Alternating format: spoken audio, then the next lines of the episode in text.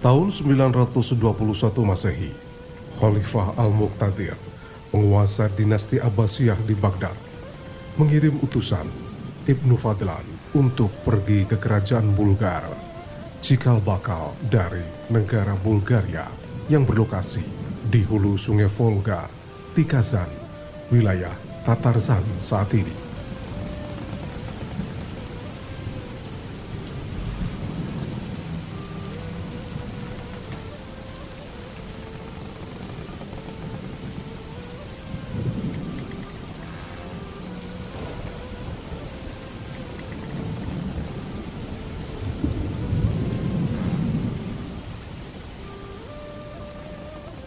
Untuk sampai ke Bulgar, Ibnu Fadlan menempuh perjalanan melalui Laut Hitam dan Laut Kaspia.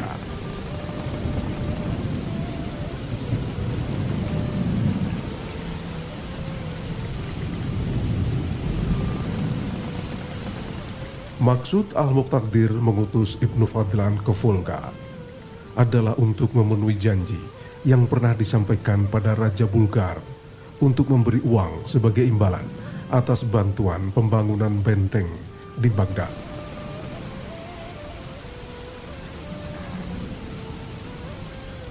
Perjalanan Ibnu Fadlan dari Baghdad dimulai pada tanggal 21 Juni 921 Masehi.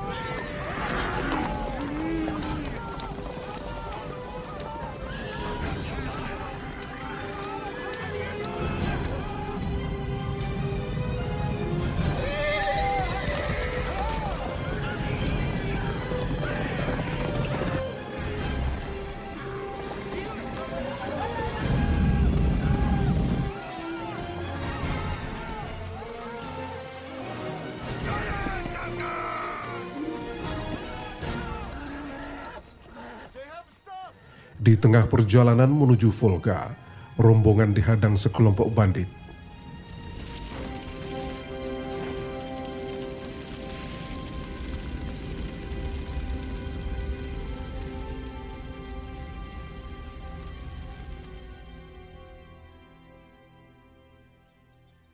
Mereka berhasil meloloskan diri.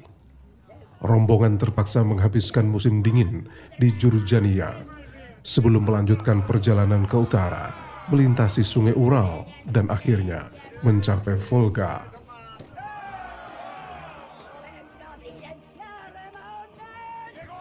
Selama perjalanan, Ibnu Fadlan mencatat setiap peristiwa dan momen yang dilihat dan dialami.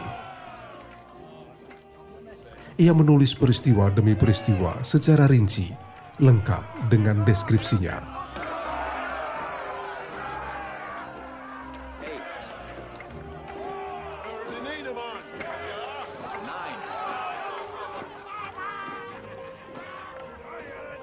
Dalam catatan perjalanannya, Ibnu Fadlan memberi gambaran jelas tentang kondisi geografis Bulgaria, perdagangan, serta adat istiadat rakyatnya.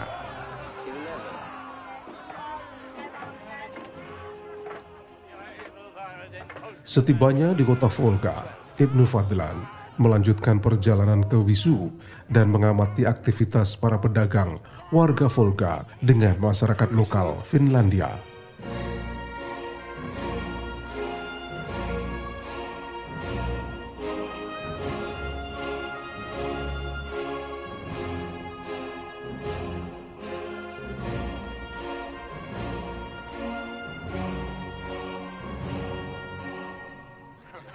Di padang rumput antara Laut Aral dan Laut Kaspia atau wilayah Inder Asia, Ibnu Fadlan bertemu dengan orang-orang berkulit putih, yakni bangsa Viking dari Skandinavia yang mengembara jauh ke timur.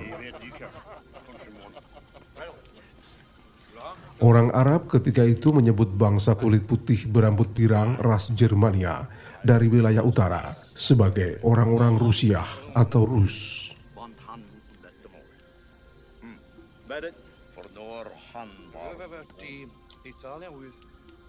Ibnu Fadlan menggambarkan, secara fisik bangsa Rus mempunyai tubuh paling sempurna dibanding bangsa-bangsa lain yang pernah ia temui. Umumnya, bangsa Rus bekerja sebagai pedagang yang berjualan di sepanjang pinggiran sungai dekat perkampungan Bolgar. Orang-orang Rus badannya tinggi seperti pohon palem dengan rambut pirang dan kulit kemerahan. Tubuh mereka dipenuhi tato berwarna hijau, biru, atau warna-warna gelap, mulai dari ujung kuku hingga ke leher. Setiap orang juga mempunyai senjata kapak atau pedang panjang.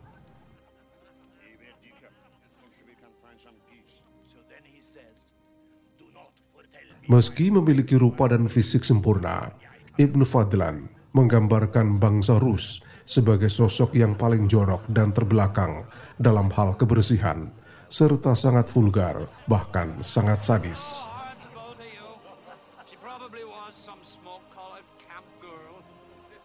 Ibnu Fadlan menjelaskan secara rinci tentang prosesi pemakaman salah satu kepala suku bangsa Rus. Digambarkan, pemakaman dilakukan dengan sangat tidak manusiawi, yakni melibatkan pengorbanan manusia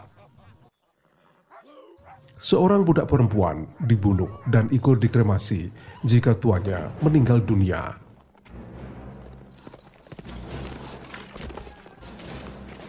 Kitab yang berisi catatan perjalanan Ibnu Fadlan yang juga laporan untuk Khalifah Al-Muqtadir banyak membantu para ahli sejarah memahami kondisi masyarakat Proto-Rusia saat itu.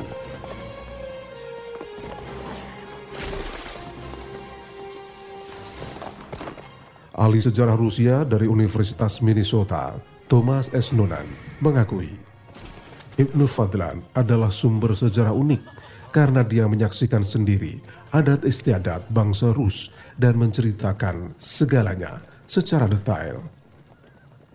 Dia menceritakan bagaimana karavan bepergian.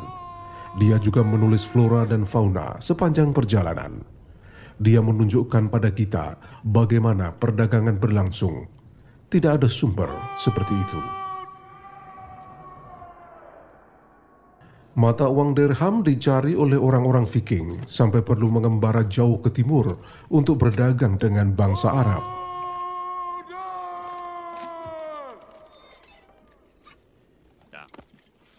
Bangsa Rus biasanya menjual berbagai macam kulit binatang, ternak, kulit pohon birch, biji pohon ek, lilin, baju besi, dan pedang.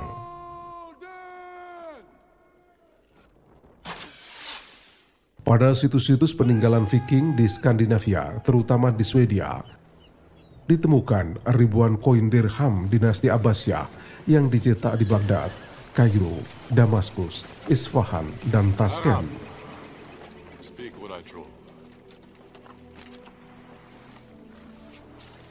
Menurut para sejarawan, Koin dirham itulah yang telah menyokong era Viking hingga masa keemasan mereka dalam menguasai pantai-pantai Eropa Utara selama abad ke-8 sampai abad 11 Masehi.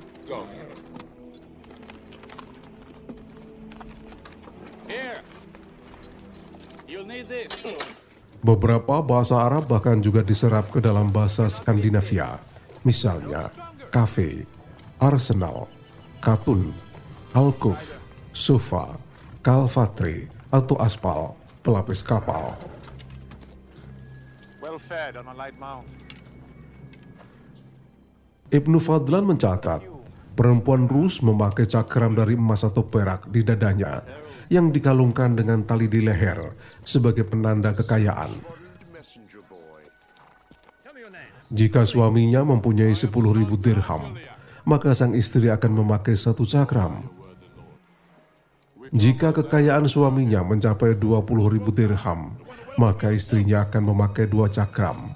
Begitu seterusnya berlaku kelipatannya. Sementara itu, kaum laki-laki Rus biasanya mempunyai budak perempuan yang selalu menemani dan melayani ke mana pun tuannya pergi.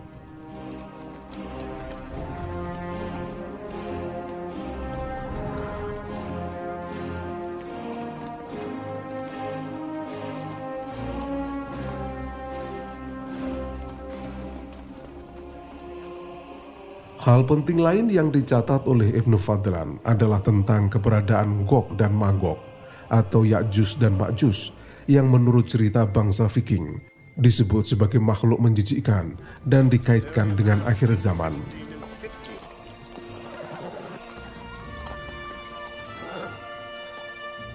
Bangsa Viking meyakini Gog dan Magog berada di suatu tempat di Asia Tengah.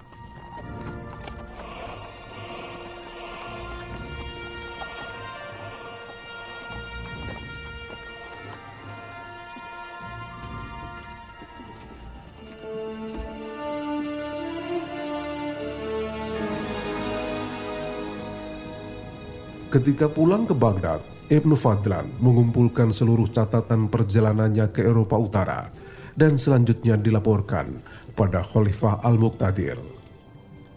Sayangnya, gini beberapa bagian penting dari catatan itu hilang. Meski begitu, sisa catatan yang masih tersimpan tetap dijadikan referensi penting bagi para sejarawan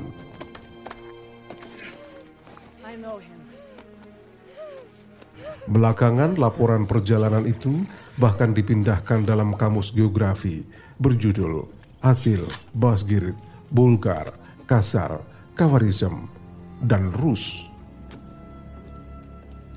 Kamus itu diterbitkan tahun 1823 oleh akademisi Rusia bernama C.M. Fran yang juga menerjemahkan catatan Ibnu Fadlan dari bahasa Arab ke dalam bahasa Jerman.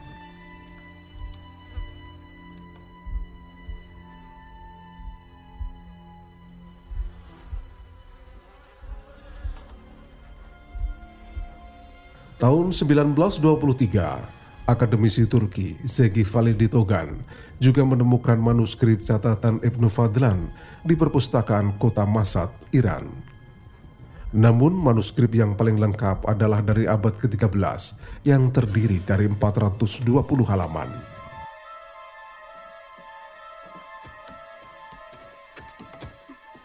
Selain dijadikan sumber sejarah, keakuratan catatan Ibnu Fadlan dimanfaatkan oleh Michael Crichton untuk menyusun novel Eater of the Dead di tahun 1976.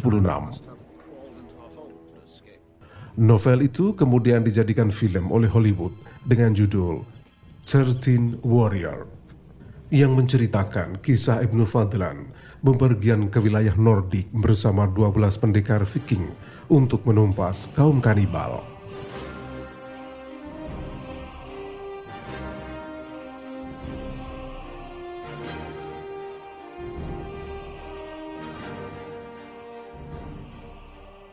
Sebuah serial televisi Arab yang sangat terkenal berjudul The Roof of the World atau Saf al-Alam juga menampilkan catatan perjalanan Ibnu Fadlan dari perspektif kontemporer.